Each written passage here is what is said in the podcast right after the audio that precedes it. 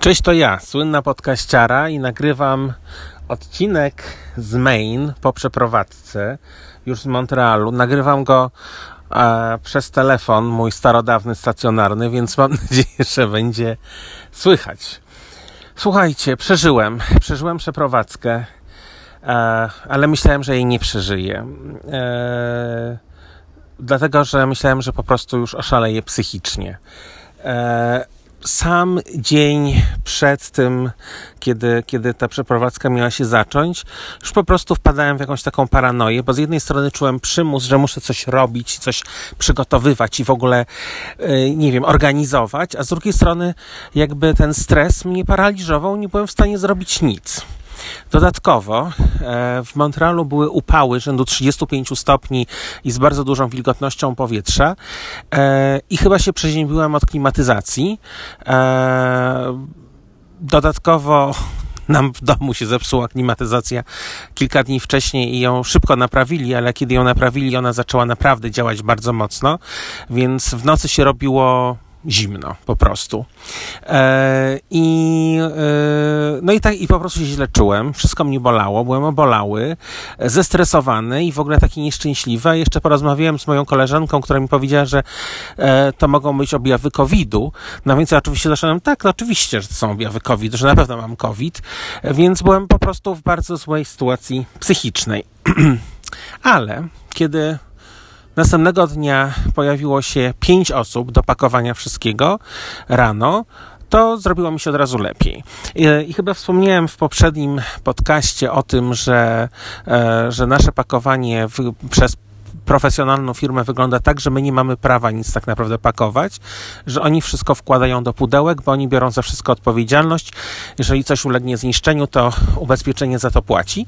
Więc tak naprawdę moja praca polegała na tym tego dnia, żeby wszystkiego doglądać, być tam, e, e, patrzeć na to, czy pakują to, co powinni pakować, bo mieliśmy jakby podzielone e, rzeczy, które zabieramy na trzy lokalizacje. Część, która będzie jakby do nas wysłana samolotem tam, gdzie jakby do Waszyngtonu w tej chwili, gdzie, gdzie mamy się przenieść. Część prosto do Meksyku, a część do magazynu w Virginii, gdzie będzie czekało na nas latami. E, oczywiście pojechałem kupić jakieś pyszne ciasteczka, ponczuszki, napoje i tak dalej, więc w ogóle było bardzo miło. E, była bardzo fajna grupa osób i i zapakowali tak naprawdę wszystko to, co miało jechać do Meksyku, zapakowali w jeden dzień. Więc byłem pod naprawdę ogromnym e, wrażeniem. Pracowali bardzo ciężko, pracowali cały dzień. Następnego dnia przyjeżdżały właśnie osoby zabrać resztę rzeczy, czyli głównie meble, które będą szły do, do tego magazynu. E, ale ja się czułem naprawdę bardzo źle, więc mój kochający mąż odesłał mnie z powrotem do hotelu. E, I e, po prostu powiedział, że jakby jestem tam zupełnie niepotrzebny, ja muszę jakby zadbać o siebie, więc jakby no pojechałem do tego hotelu i zadbałem o siebie. Tutaj przechodzę od razu do tematu hotelu, e, żeby o tym nie zapomnieć. No więc słuchajcie, pobyt w hotelu był to Marriott Residence Inn Downtown Montreal, czyli nie jakiś tragiczny hotel. Był taki, że no oczywiście są różnego rodzaju obostrzenia, że trzeba nosić maseczki e, w częściach publicznych, e, że wszystkie jakby e, miejsca wspólne są przynajmniej raz na godzinę myte i dezynfekowane środkami takimi jak są w szpitalach. Tak więc jakby no te wszystkie jakby środki ostrożności są powzięte. Gości nie było zbyt wiele, ale było tragiczne, tragiczne, tragiczne tragiczne śniadanie. Zydel nie miałby zupełnie y, czego fotografować, żeby wrzucić do siebie na Facebooka codziennie rano. Tak tragiczne. A mianowicie, pierwszego dnia bagel, ale nie taki bajgielek pyszny, świeżutki, jakie akurat w Montrealu są, e, są bardzo popularne dzięki polskim, żydowskim imigrantom, tylko jakiś taki koszmarny, taki supermarketowy bejgiel w środku z, ze smażonym jajkiem i z pokrojoną parówką. E, I to jajko takie, wiecie, nie takie jajko świeże usmażone, tylko takie jajko z takiego jakiegoś pewnie kartonu albo proszku. Słuchajcie, jak ja to ugryzłem, i to jeszcze jest zawinięte w taki papier, taki papier foliowy, e, że to tak wszystko się za, jakby tak zadusza w środku. Jak ja to spróbowałem, to smakowało to, znaczy przypomniało mi to jakby jakieś takie smaki z dzieciństwa, z wakacji, e, jakichś takich perelowskich, gdzieś na jakimś takim obozie, e, więc na mojej twarzy przynajmniej jakiś cień uśmiechu się pojawił z tego powodu, pomimo tego, że było to niezjadliwe. Natomiast mój mąż, mój Bob po prostu tego w ogóle nie tknął. E, kolejnego dnia była jakaś taka w ogóle też jakaś taka kanapka z serem z chleba tostowego, znaczy na ciepło i to też po prostu to takie zaduszone, zapieczone w tym po prostu, w tym papierze, no po prostu dramat. Więc tego typu były po prostu koszmarne śniadania i śniadania było tak, że ja normalnie w hotelach to ja uwielbiam pójść i sobie posiedzieć e, w w tej restauracji i sobie się podelektować tym śniadankiem i sobie pojeść różne rzeczy, których normalnie bym sam na śniadanie nie zrobił. Tu wziąć sobie troszeczkę bekoniku, tu wziąć sobie jakieś inne rzeczy, popatrzeć na ludzi, popatrzeć jak są ubrani albo nie ubrani no, do tego śniadania. Natomiast to wyglądało tak, że jest po prostu grab and go, czyli wchodzisz, bierzesz, e, e, dezynfekujesz ręce, bierzesz papierową, papierową torebkę, w torebce jest wszystko i wracasz do siebie do pokoju. Więc więc ogólnie nie było, nie było wielkiej, wielkiej przyjemności z tego śniadania hotelowego. No i w tym hotelu my byliśmy przez 10 dni e, przed, naszym, przed naszym wyjazdem, więc jakby w czasie tego pakowania też już byliśmy, byliśmy w hotelu. Więc muszę Wam powiedzieć, że ogólnie to pakowanie było zaplanowane na 3 dni, a spakowali wszystko w półtora dnia, więc naprawdę, e, naprawdę jestem pod ogromnym wrażeniem. Ale przez to, że się wszyscy spieszyli, że my się spieszyliśmy, to się później okazało, że na przykład gdzieś tam w jednej szafie jakieś jedno pudło zostało z rzeczami, które po prostu później nie wiadomo, co z tym zrobić, bo to jakieś takie moje stare płyty CD, których no nie wyrzucę, ale z drugiej strony to później też jakby je trzeba targać, więc, e, więc musieliśmy wymyślić, co, co dalej z tym zrobić. No i zaczęło się tak naprawdę głównie, głównie przed moim mężem zamykanie e, wszystkiego w, w Montrealu, e, jakby likwidowanie naszego, nie wiem, internetu, tego, śmego i owego. Musiał w pracy wszystkie jeszcze rzeczy pokończyć więc był bardzo zajęty. Ja starałem się mu pomóc jak najlepiej mogłem. E, I też jakby widzieliśmy, że jedziemy do stanu Maine, więc e, wymóg jest taki, że żeby nie mieć kwarantanny, to trzeba mieć e, aktualne badania na COVID. No więc zapisaliśmy się zapisaliśmy, zapisałem mniej Boba na te badania. Oczywiście to trwa e, godzinę siedzenia na telefonie, bo najpierw się dzwoni pod jeden numer e, i się czeka pół godziny i ktoś podnosi słuchawkę w końcu i, i, i wtedy się mówi, że chcesz jakby umówić się na badania, no więc ta osoba już nie może tego zrobić, tylko przełącza do kolejnej osoby i później się czeka kolejne pół godziny. No ale udało się. Udało się, zapisałem się nas na te badania na COVID, więc poszliśmy je zrobić e, kilka dni przed, przed, przed wyjazdem. E, nie jest to absolutnie przyjemne badanie, to wkładanie po prostu takiego patyczka do uszu, długiego przez nos prosto do mózgu. Trwa na szczęście to chwilę, ale to jest bardzo nieprzyjemna chwila. No i później powiedzieli, że, e, że badania będą w przeciągu 24 godzin, a my nasze badania robiliśmy w piątek. E, I powiedzieli, że jeżeli e, będzie wy, wynik negatywny, to dostaniemy ten wynik mailem, a jeżeli będzie pozytywny, to wtedy zadzwonią do nas z numeru takiego no caller ID, czyli niezidentyfikowanego numeru. No i wtedy jakby nam powiedzą, co, co dalej. Więc, żeby takie, taką rozmowę z, nie, z niezidentyfikowanego numeru e, odebrać. No więc Oczywiście czekałem w sobotę, czekam, czekam, czekam, minęło 24 godziny, nic. No ale sobie myślę, dobrze, no może weekend, może w weekend nie pracują, nie przesyłają, no ale mimo wszystko miałem nadzieję, że te wyniki będą. Nadeszła niedziela, czekam, czekam, czekam, nic. Eee, przyszedł poniedziałek. Poszedłem z psem do psiego parku, jakby na ostatnie spacery już prawie, żeby się żegnać tam ze wszystkimi naszymi e, psimi znajomymi. E, I wracam do hotelu i dzwoni telefon no caller ID. No więc ja już oczywiście zawał serca, no ale podnoszę telefon, a tam, że twój social security number jest w niebezpieczeństwie, że tu zadzwoń pod ten numer i tak dalej. Więc jakiś skam kosz, koszmarny po prostu, więc się rozłączyłem. No więc to nie było to. Do końca dnia w poniedziałek się nic nie wydarzyło. We wtorek mój mąż dostał mailem wynik negatywny. No więc jakby stwierdziłem, że no jeżeli on dostał negatywny, no to ja raczej, ja też jestem negatywny. No ale nigdy nic nie wiadomo. Tym bardziej, że gdzieś tam z tyłu głowy ciąg, ciągle miałem to, co moja koleżanka mi powiedziała, że wszystkie moje objawy wskazywały na COVID. No i tak czekałem, czekałem, czekałem. W końcu przychodzi środa, kolejny dzień i dzwoni telefon no caller ID. No więc podnoszę i słyszę głos, że dzień dobry, czy rozmawiam z Mr. Massier? No więc oczywiście, że to ja. E, no ale już sobie myślę, no kurwa, no już dzwonią do mnie, no to już po prostu już koniec.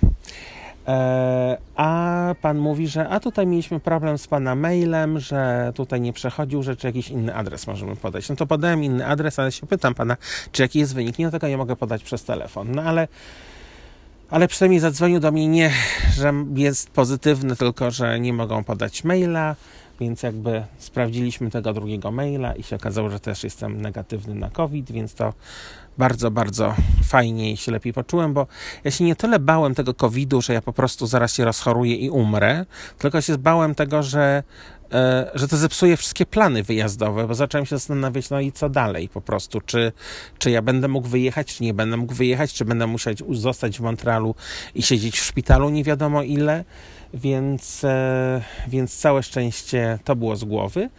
No i już ostatniego dnia po prostu jakby mieliśmy w planie wyjechać o godzinie 10 rano, wyjechaliśmy oczywiście o 2.30 po południu, popróbowaliśmy jeszcze parę innych rzeczy dokończyć i wszystko jakby było przeciwko nam.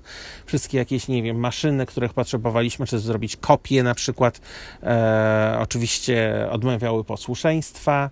E, więc no w ogóle wszystko jakby przeciwko nam, no ale trudno. Oczywiście wyjeżdżamy o godzinie drugiej. 30 kor, kor, koszmarny, straszny kor, ale um, się zacząłem zastanawiać, gdzie ci ludzie jadą po prostu w czwartek o drugiej 30.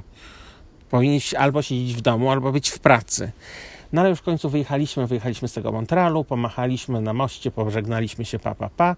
Poszliśmy sobie dzień wcześniej jeszcze na bardzo fajną kolację do takiej restauracji na ostatnim piętrze wieżowca, gdzie jest obrotowa restauracja z widokiem na miasto, więc mogliśmy, mogliśmy sobie popatrzeć na widok e, i tak też jakby troszeczkę się pożegnać, ale już byliśmy tak, wiecie, już nawet, nawet nie było, nie miałem takiego poczucia takiego, nie wiem, jakiegoś takiego melancholii wtedy, ani smutku, ani niczego, tylko już byłem taki już, już, już, już jedźmy, już po prostu już jedźmy i wyjedźmy.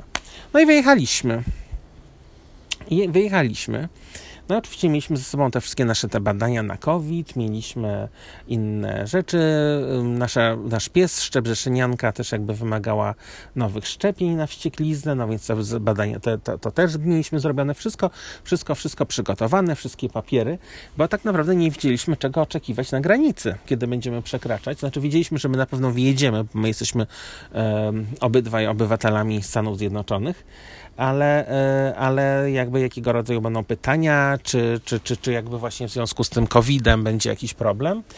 E, no i dojechaliśmy, słuchajcie, do granicy w takim naprawdę małym, małym miejscu, malutkiej granicy, gdzie jest po prostu, nie wiem, no mały domeczek i tam siedzi jeden oficer. I słuchajcie, wszystko trwało może minutę, i głównie trwało minutę po to, że Pan nam za po prostu życzył bardzo miłego dnia i miłej podróży, ale ogólnie to było na zasadzie bardziej, w zasadzie główne to, co Pan powiedział, to było welcome home. Więc to było naprawdę fajnie, ale słuchajcie, ale z drugiej strony zero pytań o COVID, zero. I nie wiem, czy, czy, czy, czy mamy badania, czy nie mamy, czy mamy objawy, czy się źle czujemy, czy dobrze, czy byliśmy w Chinach. Słuchajcie, ja szedłem do sklepu kupić butelkę wina dla Boba i po prostu musiałem od, odpowiedzieć na pytanie, czy byłem w Chinach dwa tygodnie temu i czy nie mam gorączki, albo mi musieli sprawdzać wszystko, a tu wjeżdżaliśmy po prostu nic. Pies, zero pytań, a zdarzały nam się często pytania, że jakby najczęściej się pytają, czy mamy, czy pies ma po prostu szczepienia, no więc my je zawsze mamy ze sobą. E, od czasu do czasu e, kazali nam je pokazać, a tutaj po prostu nic, ale nawet, nie wiem, nawet czasami nas się pytali o to, czy co mamy, czy wie, co wwozimy, czy, czy wwozimy jedzenie i czy na przykład e, jedzenie dla psa zawiera jagnięcinę. Oczywiście raz jechaliśmy i jedzenie miało jagnięcinę, ale mój mąż o tym nie wiedział, powiedział nie, a ja siedziałem cicho. Ale wiecie, cicho, cicho, cicho. No i, yy, i tak, więc tego, więc, yy, więc, więc w ogóle zupełnie bezproblemowo wjechaliśmy do Maine i po prostu przepiękne, przepiękne, przepiękne okolice. Yy, to była taka część Maine, w której jakby nigdy wcześniej nie byłem, dużo bardziej na północy.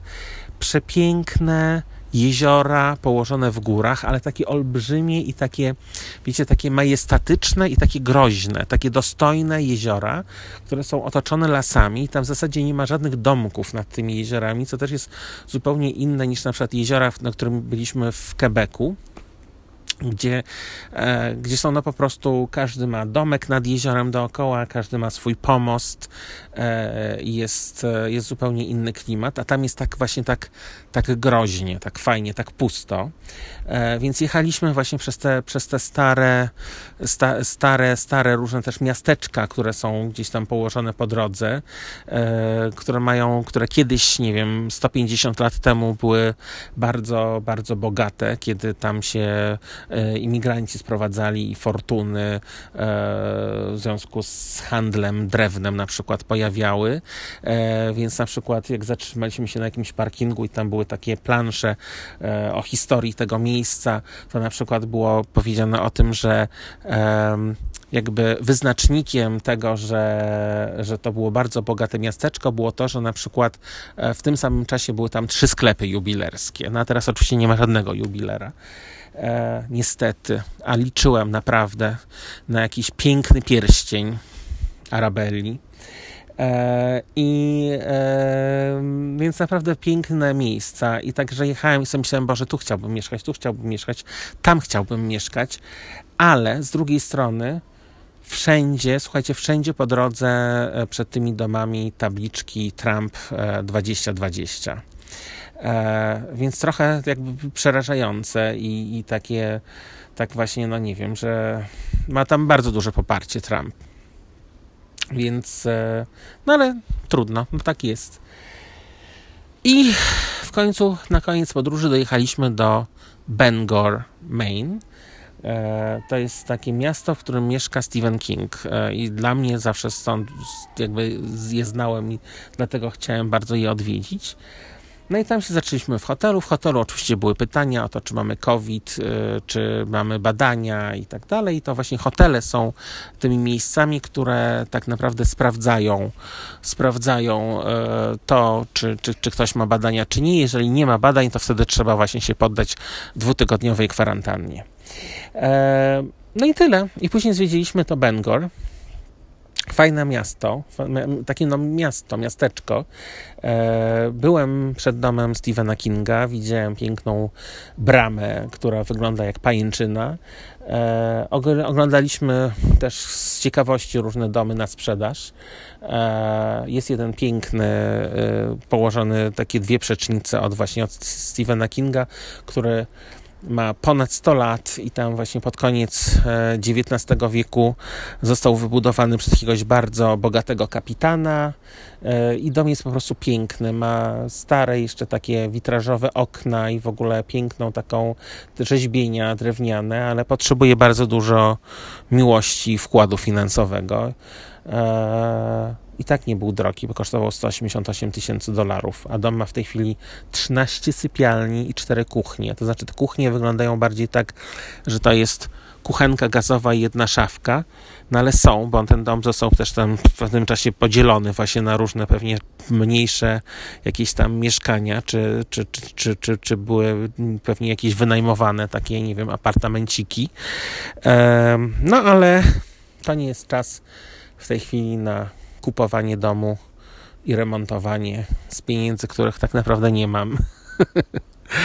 więc, e, więc, e, więc tak, ale było fajnie. No i tam zostaliśmy na dwie noce, a później pojechaliśmy do Booth Bay Harbor, najwspanialszego miejsca na świecie na wakacje, gdzie przyjeżdżamy od 6 lat co roku, ale to już będzie temat na kolejny podcast, bo i tak już chyba Was zanudziłem, ale żyję, przeżyłem przeprowadzkę, przeżyłem przejazd z Kanady do Stanów Zjednoczonych.